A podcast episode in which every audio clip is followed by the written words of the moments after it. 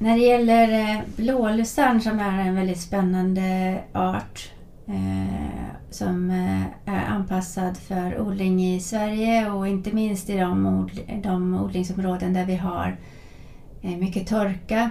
För där går eh, in med sin kraftiga pålrot och kan producera även under de år eller de mm, delar av växtsäsongen då vi har ett torrt klimat.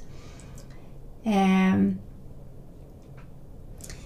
Blå eh, kan vara lite svag eller långsam i sin etablering så det får man tänka på. Den avkastar oftast som allra mest under det andra vallåret. Eh, den är inte särskilt känslig för några sjukdomar. Eh, de sjukdomar som drabbar lucern har vi en bra resistensnivå på. Det gäller bland annat vissnesjuka eller verticillium. Eh, vi brukar också dela in blålusarn i olika klasser. Och eh, Då brukar man prata om olika dormancy-klasser. Eh, och de är då anpassade för olika skördesystem och olika områden för odling.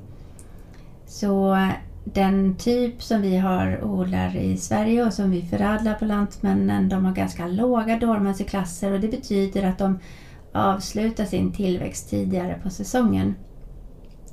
Eh, höga dormancyklasser det betyder att de fortsätter växa långt ut på säsongen och att man kan skörda dem kanske 7, 8, 9 gånger på en säsong.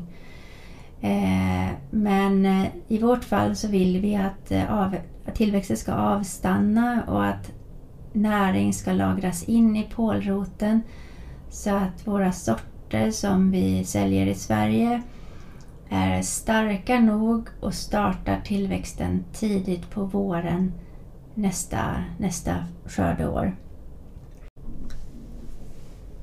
Fortsätter vi prata lite om blålusarn som art så är den eh, väldigt högavkastande och den är extremt torktålig. Den har en väldigt djup pålrot, den bidrar till kolinlagring den är också kvävefixerande som de andra vallbaljväxterna. Men som sagt var kan vara lite långsam i sin etablering.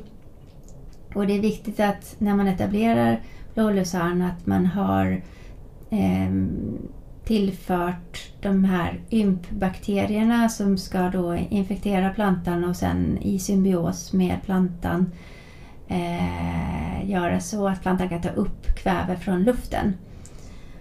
Och eh, på Lantmännen har vi valt att, eh, att behandla fröet innan vi säljer det så att det är redan gjort när du köper din vallfröblandning. Då finns det ympbakterier på fröet så att du kan så och så får du en god etablering av din eh, blå lussarn.